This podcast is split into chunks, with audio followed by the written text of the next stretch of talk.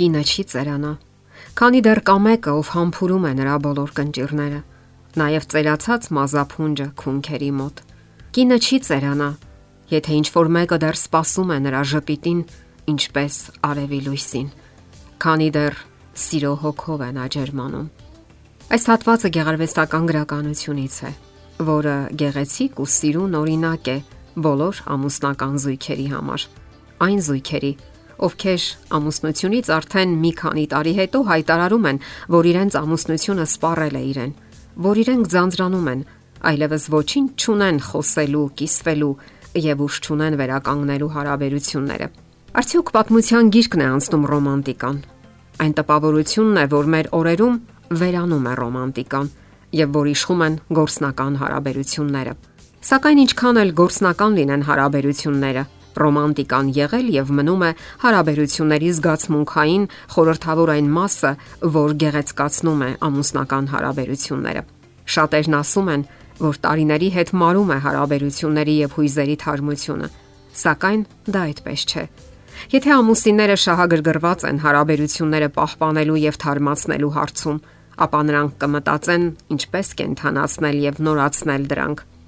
Եվ դրան կարող է զարգ տալ կամ օգնել ռոմանտիկան։ Առավել եւս որ հասուն տարիքում նույնպես անհնար չէ դրան զարգ տալը։ Երբեմն էլ ուշ չէ առանձնահատուկ ուշադրություն հատկացնել հարաբերություններին, ինչի բացակայությունը սուր են զգում հատկապես կանայք։ Ասենք որ բազմաթիվ անհաջող ամուսնությունների եւ բաժանությունների հիմքում հենց ռոմանտիկայի պակասն է,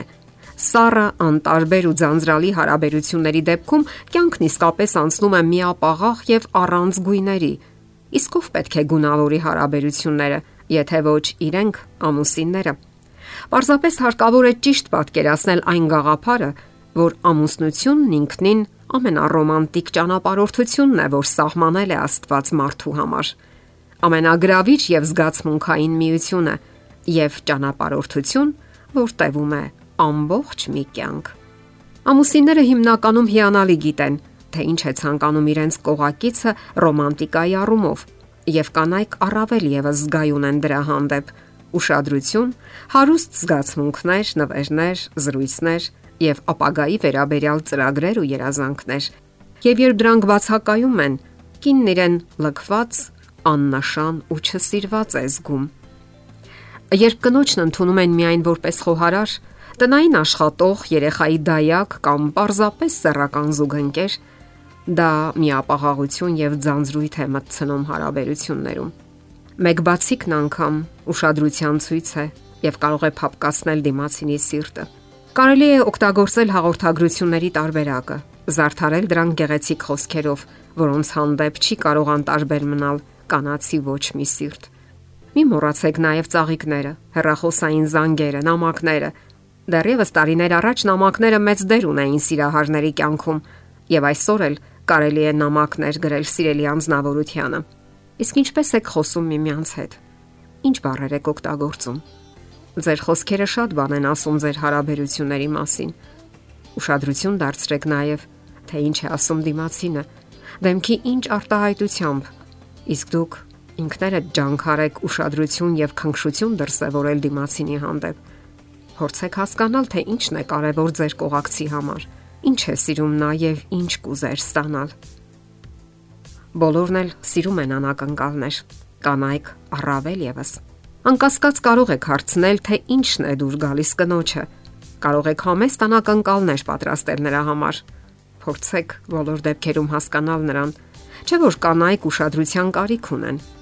Միշտ հիշեք Բալզակի նշանավոր խոսքերը Կինը մշտապես երախտապարտ է այն տղամարդուն,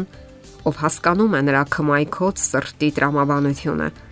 ըմբռնում նրա մտքի արտակուստ հակասական ընթացքը, նրա մերթ երկչոտ, մերթ համարցակ զգայությունների խուսափու կամոթխածությունները, վճրանքի ու միամտության այդ զարմանալի խառնուրդը։ Գնահատել միմյանց նշանակում է զարգ տալ հենց ռոմանտիկային նշանակում է մտքում ունենալ դիմացինին եւ նրա կարիքներն ու կենսական պահանջմունքները եւ հատկապես հարկավոր է գնահատել այն ջանքերը, որ թափում է ձեր կողակիցը։